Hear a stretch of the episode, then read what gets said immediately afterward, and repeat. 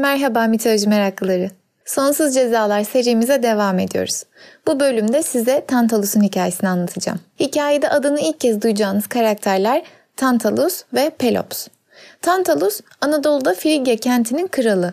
Truva Savaşı'ndan hatırlayacağınız kral Agamemnon'un büyük büyük babası. Birçok kral ve kahraman gibi o da bir yarı tanrıdır. Babası Zeus'tur. Pelops, Tantalus'un en büyük oğlu.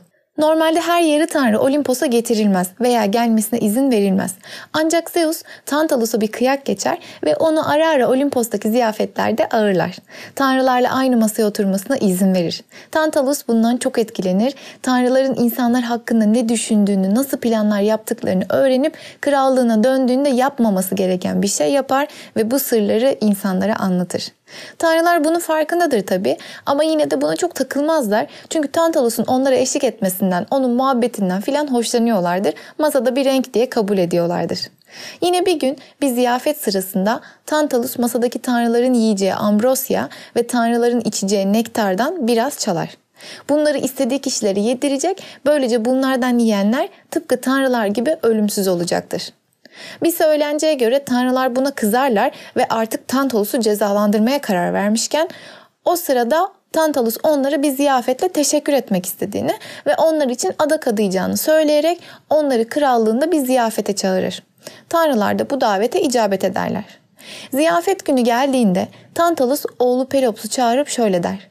Sevgili oğlum, bugün tanrılarla aynı masayı paylaşmanın onuru senin olacak. Pelops büyük bir sevinçle babasına teşekkür edip hazırlanmaya gider. Tantalus sonra aşçının kulağına eğilir ve şöyle fısıldar. Bugün daha önce yaptıklarından çok daha efsane bir menü hazırlayacaksın. Tanrılara kurban olarak oğlum Pelops'u sunacağım. Onu tanrıların ağzına layık şekilde pişireceksin. Aşçı dehşete kapılır ama emri yerine getirmek zorundadır. Tantalus oğlunu doğratıp parçalara ayırtır, bir kazanda kaynatır ve yahni yaptırır. Bu hareketle hem tanrılara kurban vermiş hem de bakalım kurbanın ne olduğunu tahmin edebilecekler mi? Hani tanrı ya bunlar. Bakalım her şey görebiliyorlar mı diye onları sınamış olacaktır. Bu sırada tanrılar masada toplanmış sohbet ederken Zeus Tantalus'a sorar. Nerede benim sevgili torunum? Tantalus cevaplar. Merak etme babacığım birazdan burada bizimle olacak. Biraz sonra aşçı Yahni'yi getirir.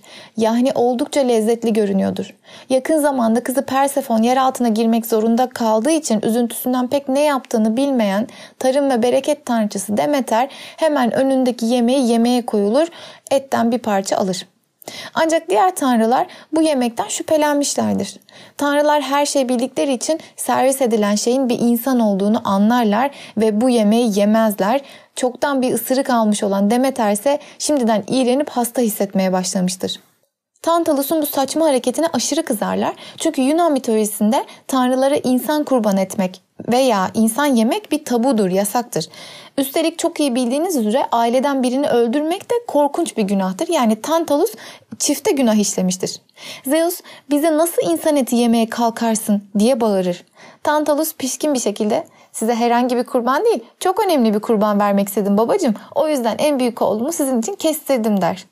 Zeus Tantalus'un bu büyük suçunu ve bu akıl almaz pişkinliğini cezasız bırakmamaya karar verir. Daha önce yaptığın saçmalıkları görmezden geliyorduk ama bu yaptığın affedilecek bir şey değil diyerek onu sonsuz bir işkenceyle cezalandırır. Tantalus Tartaros'a götürülür ve bir göle atılır. Sadece boynundan yukarısı suyun üstünde kalabiliyordur. Tepesinde pırıl pırıl tüylü meyveleri olan bir ağaç vardır. Ancak Tantalus ne zaman bu meyvelerden birini koparmak için ağaca yanaşmak istese ağacın boyu uzuyor ve dallar daha da yükseğe gidiyordur. Tantalus ne zaman susayıp gölün suyundan içmek iste su çekiliyor, çekiliyor ve göl kuruyordur ve Tantalus asla içemiyordur.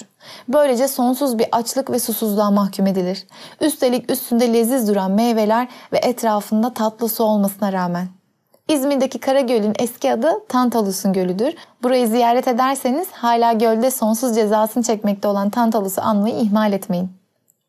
Yunanlar bu tür dibinizde olup sizi cezbeden ama tatmin olmanıza asla izin vermeyen durumlar için Tantalus'un cezası tabirini kullanırlarmış. Dilimize de bu tabiri Orhan Veli tental azabı diye çevirerek geçirmiş. Orhan Veli 36 yıllık hayatının son 10 yılı boyunca sevdiği bildiğim kadarıyla yasak aşkı Nahit Hanım'a şöyle seslenirmiş.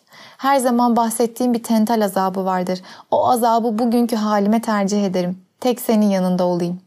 Orhan Veli'nin evli olan ve maalesef beraber olamadığı Nahit Hanım'a yazdığı mektuplardan oluşan Yalnız Seni Arıyorum adlı eserinde geçen bu ifade beni çok etkiledi.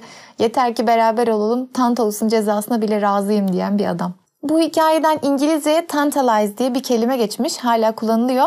Boşuna ümit vermek yani gösterip vermemek anlamına geliyor. Gelelim az kalsın tanrıları yem olacak çocuk Pelops'a. Tanrıların tanrısı Zeus, kader tanrıçaları Moiralardan adı Kloto olana seslenir. Moiralar bölümünden hatırlayın, Kloto bir insanın kader ipliğini eğirmeye başlayan makaranın başında duran tanrıçaydı. Zeus Kloto'dan ölen çocuk Pelops'u tekrar birleştirmesini ve onu hayata döndürmesini ister. Kloto masadan Pelops'un servis edilmiş tüm parçalarını, kemiklerini, etlerini alır, kutsal bir kazanda kaynatır ve Pelops'u hayata döndürür. Pelops'un omzunu yemiş olan Demeter ise demirci tanrı Hephaistos'a onun için fil dişinden bir omuzluk yaptırır ve Pelops'a armağan eder. Böylece Pelops tamamlanmış olur. Homeros Tantalus'tan nasıl bahsetmiş bakalım. Tantalus'u gördüm. Korkunç işkenceler çekerken. Duruyordu bir gölün içinde, ayakta. Yüksele yüksele çıkıyordu su çenesine kadar. Ama içmek için davrandı mıydı damlasını alamıyordu suyun. İhtiyar adam eğiliyor, eğiliyor, eğiliyordu. Suda çekiliyor, çekiliyor, yok oluyordu hemen toprakta. Ve bir çamur peyda oluyordu ayaklarının dibinde, kapkara. O saat bir tanrı kurutu veriyordu gölü. Yemişler sarkıyordu başının önünde dallı budaklı ağaçlardan.